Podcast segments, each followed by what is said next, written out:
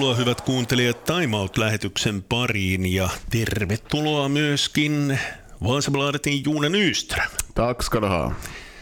Me lähdemme liikkeelle jalkapallosta. Vaasan palloseura pelasi kaksi, ainakin omasta mielestäni hyvää ottelua, mutta pistesaldo pyöreä nolla. Niin kuin Jussi Nuorella sanoi, niin tuntuu siltä, että mikään ei onnistu.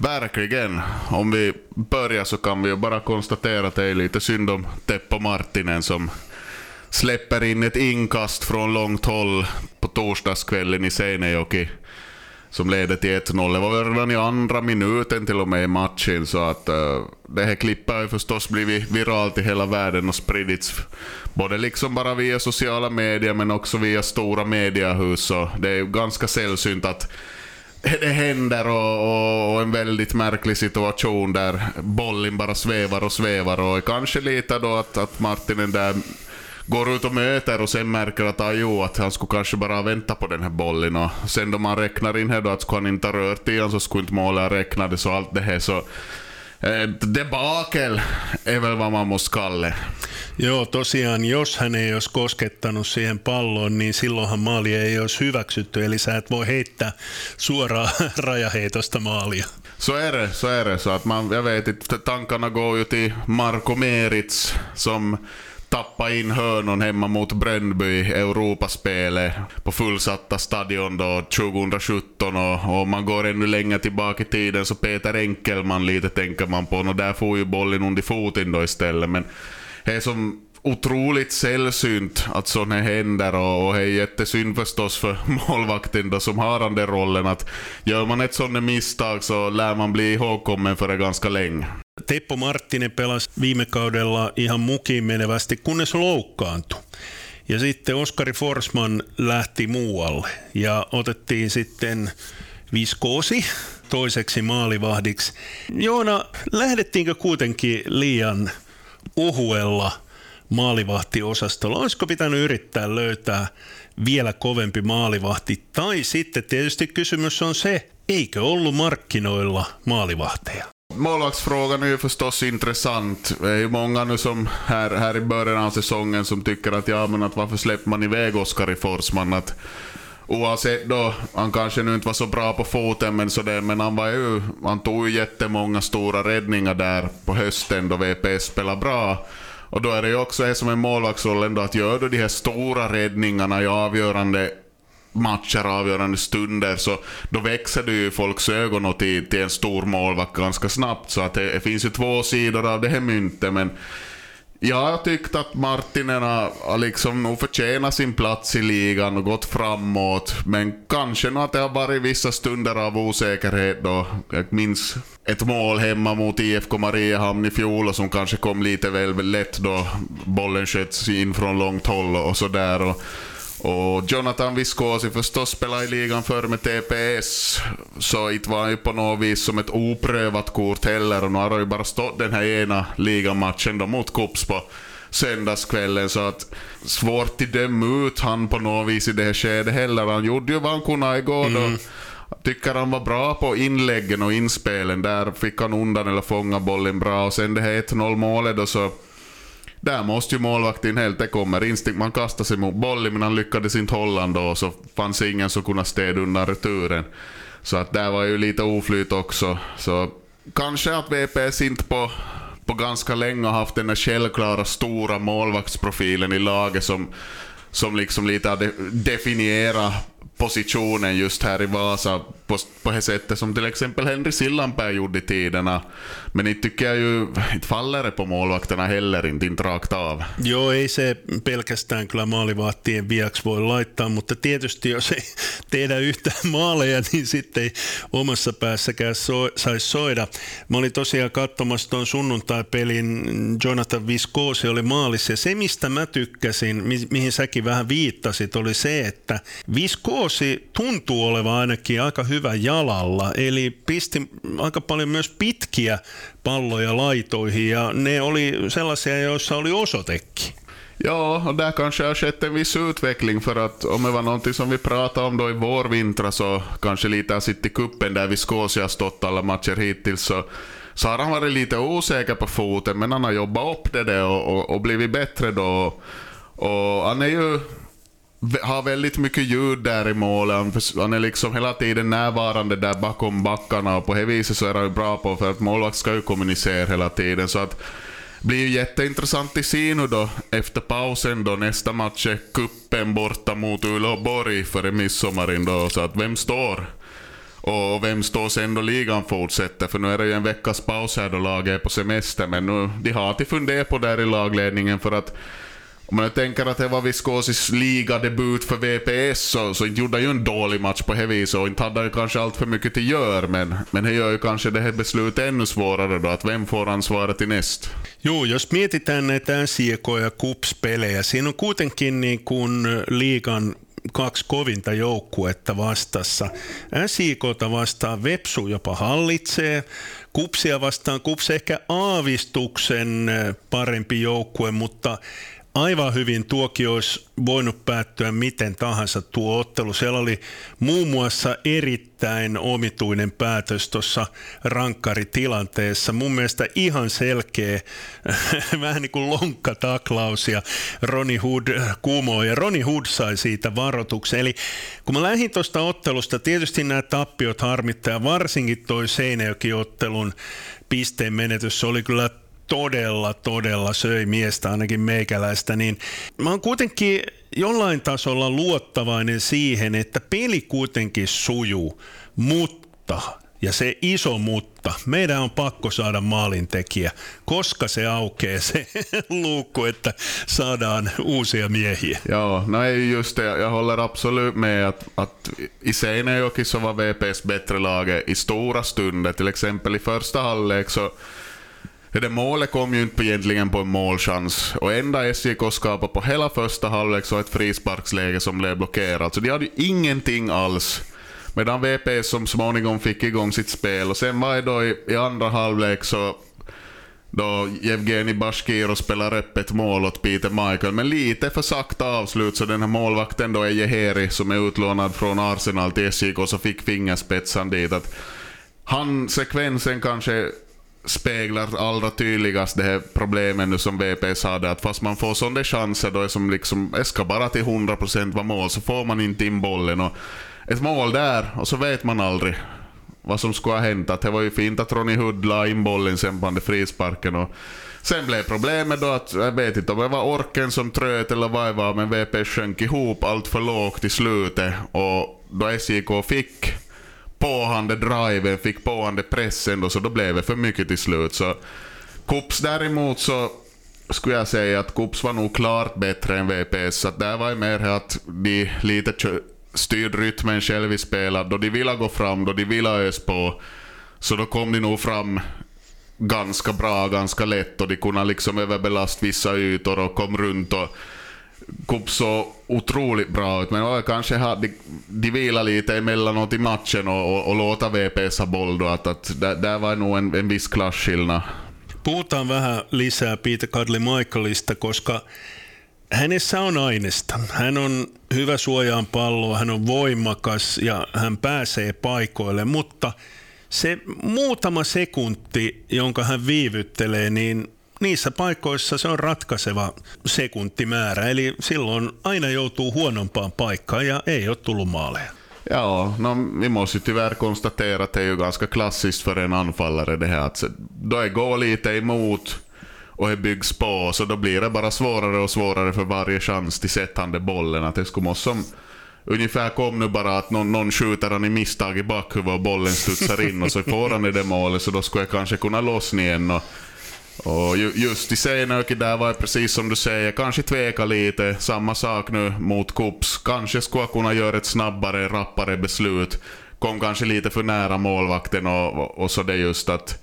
Men annars så håller jag med om det att spelmässigt så har han en bra, bra grej. Han funkar som target och, och han är ganska bra med bollen, gör rätt avvägningar i hur det ska spelas vidare och så det. Så att det, där finns det så mycket till hämta av och då kan man ju som fundera att hur skulle jag sitta ut om man skulle till exempel ha haft Kalle Multanen där bredvid sig. Hei, minä on pakko puhua myös Jevgeni Bashkirovista. Mä en oikein tiedä. Siis hän on hyvä pelaaja, mutta onko hän saanut itsestään parasta irti vielä VPS. Tuntuu jotenkin, että ei ole vielä. Jag vet, jag tycker att början av, av ligasäsongen så var han fenomenal tycker jag faktiskt. Och fast nu resultatet gick emot, men jag tycker han spelar otroligt bra. Men sen har väl motståndarna fått lite pejl på honom att okej, okay, att vi måste nog faktiskt se efter med den här. Och, och så tror jag lite smugit in också är den att då är bara inte vilse med resultaten. Att man ser en viss frustration i hans agerande på planen emellanåt. Att han blir lite liksom snack efter domsluten och sådana onödigheter som en spelare i form inte ska behöva hålla, hålla på med. Och, och där är det ju lite samma då. Till exempel skulle han ha fått gjort ett mål, fått lite mer lyckade prestationer framåt så skulle det kunna vara helt annat. Att är nog bara denna då motvinden är som, som på Vasa torg. Vart du vänder så blåser det motvind. och då, då är det, i det läget är det jättesvårt. att Då har ju VPS fått ganska lätta kupplottningar nu fram till den här nästa match då borta mot Oulu. Och man, man, man kanske skulle kunna tänka sig att de skulle kunna spela upp lite det självförtroende i kuppen Men det har, har blivit med lite sådär att det har varit sådana packopulla-matcher som man nu bara ska klara av. Och jag har inte alls på något vis fått över någonting från det heller till ligaspelet. Så jättesvårt, som vi sa redan, men som du var in på så till exempel, nu snackas ju mycket på stan redan att ja, när får Jussi Nuorela fudut nu då, när får han sparken, men Ja, i det här skedet så skulle jag ju nog säga att vad du nu än gör som tränare om inte spelarna gör mål så är det ditt fel då. Joo, en mä Nuorelan piikkiin tätä laittaisi, koska mun mielestä peli on edelleen sillä tasolla, että jos me pärjätään SIK ja Kupsin kaltaisia joukkueita vasta aika tasaväkisesti. Oikeastaan tällä kaudella pahimpia romahduksia oli toi HJK Helsingissä. Siinähän Vepsulla ei ollut oikeastaan, no alussa oli mukana, mutta siinä ei muuten ollut oikein saumaa. Time Out Podcast käynnissä. Studiossa ovat Radio Vaasan Anssi Marttinen ja Vaasabladetin Juuna Nyström. Jalkapallosta siirrytään sitten muihin lajeihin ja puhutaan tenniksestä. Täällä pelattiin ammattilaistennis turnaus. Säkin kävit katsomassa ainakin kentän reunalla joitakin matseja. Mä juttelin yhden kaverin kanssa ja sanoin, kun mä kysyin, että olisiko mahdollista, että Vaasas voisi olla vähän korkeamman tason turnaus, niin sanoi sitä, että se on se ongelma, että on nämä meidän huiput, eli Ruusuvuori ja kumppanit, ja sitten on tyhjää, tyhjää, tyhjää, eli jos me nostettaisiin tämän turnauksen tasoon, niin siellä ei olisi pian ainuttakaan suomalaista mukana. Just så, det var mer än vad jag hade koll på. Jo. Ja, nej, no, förstås vi, till exempel på Vasabladet så är det ganska sällan vi skriver om tennis och, och lokala förmågor har jag inte någon pejl på. Ett tag så var ju två pojkar från Närpes som var på gång ganska bra på juniorsidan åtminstone, men nu har jag inte hört, hört någonting om dem på ganska länge heller. Men, men själva den här Vasa Open nu då så, jag tyckte det var ett ganska passligt evenemang att, att på det viset och det finns ju inte obegränsat med planer och sådär här i Vasa, men den där sportparken som de kallar det i Vasklot som de har byggt upp så är ganska passlig just så den för ett evenemang i den här storleksklassen. Att det finns nu en läktare till city på. Så det och, och, men själva området är ju väldigt gemytligt där på stranden och, och de här, no, framförallt den här ena semifinalen som jag såg då, så jag tyckte det var en, var väldigt bra match nog. väldigt underhållande tennismatch, speciellt där i andra set. Joo, mäkin on ollut äärimmäisen harvoin tennisottelua katsomassa. Pitää oikein miettiä, että olen ollut ikinä katsomassa oikein tällaista todellista tennismatsia. Voi olla, että en ole ikinä ollut, että olisi kiva kyllä mennä katsomaan. Millaista oli muuten katsoa tennistä? Inte har jag sett så ofta heller. Det var väl någon gång då jag varit no, någon sorts turnering i tenniscenter så jag varit och kikat, men annars har jag varit ganska sparsmakat. Så nu är det ju häftigt att se på nära håll, då man, vet, man har själv provat spela tennis någon gång i tiden, men man vet hur förbaskat svårt det är. Mm. Så då man ser just hur de klarar av till, till gör de snabba besluten, hur de ska, vilken typ av slag de ska lägga, vart i banan de vill ha och just den här Patrik Kaukovalta då som var enda finländaren som var kvar i semifinalskedet och gick till final så han hade ganska fina sådana stoppbollar. Han såg läge och så slog han perfekt längd på den stoppbollen så att just motståndaren man liksom hörde de frustrerat lite ropa nej nu på nytt. Och, och det vet jag hur det känns då en motståndare slår en stoppboll och man springer och vet att man ändå inte kommer till nå bollen. Det är bland det värsta som finns. Joo, mä joskus nuorena poikana pelasin tennistä ja täytyy sanoa, että on kyllä todella vaikea laji oppia. Kyllä sitä pikkuhiljaa oppi, mutta olisi pitänyt kyllä koko ajan pelata, että siinä kyllä nopeasti myöskin taidot ruostu. Hei, meillä on paljon puhuttavaa vielä, nimittäin jalkapalloasiaa vielä. Ei puhuta Vaasan palloseurasta, vaan puhutaan Suomen maajoukkueesta, johonka mahtui nyt sitten yksi vaasalaislähtöinenkin pelaaja mukaan. Ja, vi har nog väntat på det här och jag, jag hade nog lite på känn att det skulle ske nu. Det här Daniel Håkans som jag blev uppläxad här i vintras att han är faktiskt BK48-produkt. Mm, han, han okej. startade där och sen spelade han i Vasa IFK, sen SJK och nu då i Vålerenga i, i Norge. Och, och han har spelat bättre och bättre hela tiden. Och han har ju förstås varit juniorlandslagsman också. Och nu med en bra start i, i norska ligan för honom. Och Vålerenga har inte startat helt klockrent. De ligger där någonstans nionde, tionde ungefär i tabellen. Men Håkans har hållit sig framme, han har gjort en par mål. Och nu kom då kallelsen av, av Rive Kanerva till landslaget och det blir intressant se nu då. Det är ju Slovenien på fredag, San Marino på måndag på Olympiastadion och, vi får ju förstås hoppas att det blir debut direkt mot Slovenien där. Det skulle ju vara roligt. Mm, en usko, että Slovenia vastaan pelaa, Ja mutta ehkä, hoppas. ehkä San Marino vastaan, ehkä. Ja, och jag tror nog att, att, att han kommer till få några minuter, för jag tycker att just Marco Kanerva har varit ganska bra på det, att då de har fått komma in de här nya förmågorna så har de nog fått visa upp sig också. Att inte sådär att man bara sitter på bänken och följer med. Och, och den här generationsväxlingen som har pågått nu i herrlandslaget så har ju funkat hyfsat bra. Att man har ju fått in nya spelare som faktiskt har gjort det bra. Om man tänker Oliver Antman ett exempel och i försvaret då sådana som Robert Ivanov och Leo Väisänen som har fått ta över ansvaret och då Joona Toivi och Paolo Sarajuri, de här tackar för sig. Så de är nog på ganska bra väg där och, och speciellt den här Slovenien-matchen, nu är det ju en jättenyckelmatch med tanke på utgången i, i den här kvalgruppen. Att sen San Marino ska de ju bara vinna över förstås. Och Förr i världen kunde ju Finland snubbel mot sådana motståndare, men det känns som att Marko Kanervas landslag så gör inte riktigt det. Sitten urheilukysymys, mikä on PNG? Paavo Nurmi Games. Ah, saakeli, ei mennyt lankaan.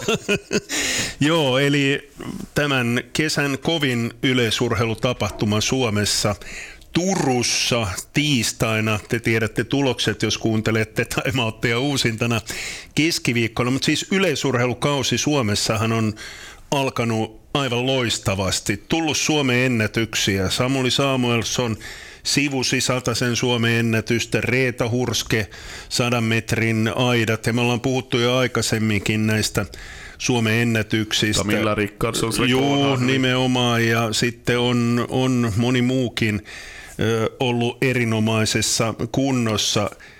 Minkälaiset odotukset Turun kisoista? Nej, men det känns som att det är på, på uppgång nu och, och det brukar ju kunna bli...